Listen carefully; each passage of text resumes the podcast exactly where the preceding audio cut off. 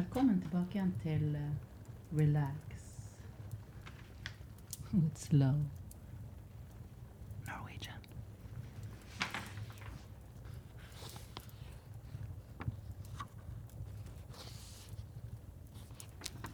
Tommeliten. Et eventyr om konger og prinsesser. Det var en gang en kone som hadde en eneste sønn. Og han var ikke lenger enn en tommelfinger. Derfor kalte de ham også Tommeliten. Da han var kommet til sjels år og alder, sa mor hans til han at han skulle ut og fri. For nå synes hun det var på tide at han tok til å tenke på å gifte seg. Da Tommeliten hørte det, ble han glad. De fikk i stand kjøregreiene og reiste av gårde, og moren satte ham på fanget. Så skulle de reise til en kongsgård. Der var det slik en stor prinsesse, men da de hadde kommet et stykke på veien, ble Tommeliten borte. Moren lette lenge etter han og ropte på ham og gråt fordi han var borte og hun ikke kunne finne han igjen. Pip, pip, sa Tommeliten. Han hadde gjemt seg i manen på hesten. Så kom han fram, og så måtte han love at han ikke skulle gjøre det oftere. Da de hadde kjørt et stykke til, så var Tommeliten borte igjen. Moren lette etter ham og ropte og gråt, men borte var han. Pip, pip, sa Tommeliten, og hun hørte han lo og kniste, men hun kunne slett ikke finne han igjen. Pip, pip. Her er jeg, da, sa Tommeliten og kom fram fra øret på hesten. Og så måtte han love at han ikke skulle gjemme seg oftere.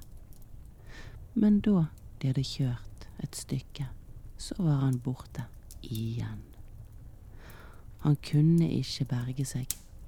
Moren, hun lette og gråt og ropte på ham, men borte var han, og borte ble han.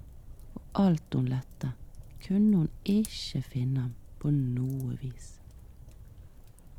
Pip, pip, her er jeg, da, sa Tommeliten. Men hun kunne slett ikke skjønne hvor han var, for det låt så utydelig. Hun lette, og han sa Pip, her er jeg, og lo og godtet seg. Fordi hun ikke kunne finne han igjen, men rett som det var, så nøs hesten. Og så nøs den ut Tommeliten, for han hadde satt seg i det ene neseboret på han.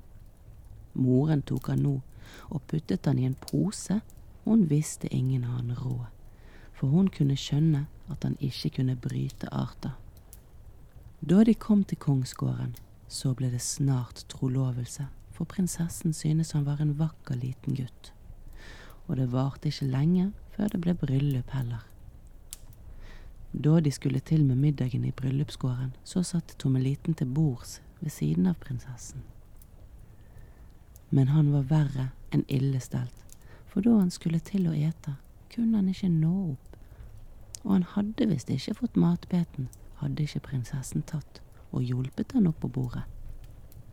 Nå gikk det både godt og vel, så lenge han kunne ete av tallerkenen, men så kom det inn et stort grautfat det kunne han ikke nå oppi, men Tommeliten visste råd. Han satte seg på kanten, men så var det et smørøye ute i fatet. Det kunne han ikke rekke, og så måtte han sette seg ut på kanten av smørøyet. Men rett som det var, kom prinsessen med en stor skje og skulle dyppe en dyktig grautbete i smøret, og så kom hun nær Tommeliten, så han dumpet uti og druknet i smørøyet.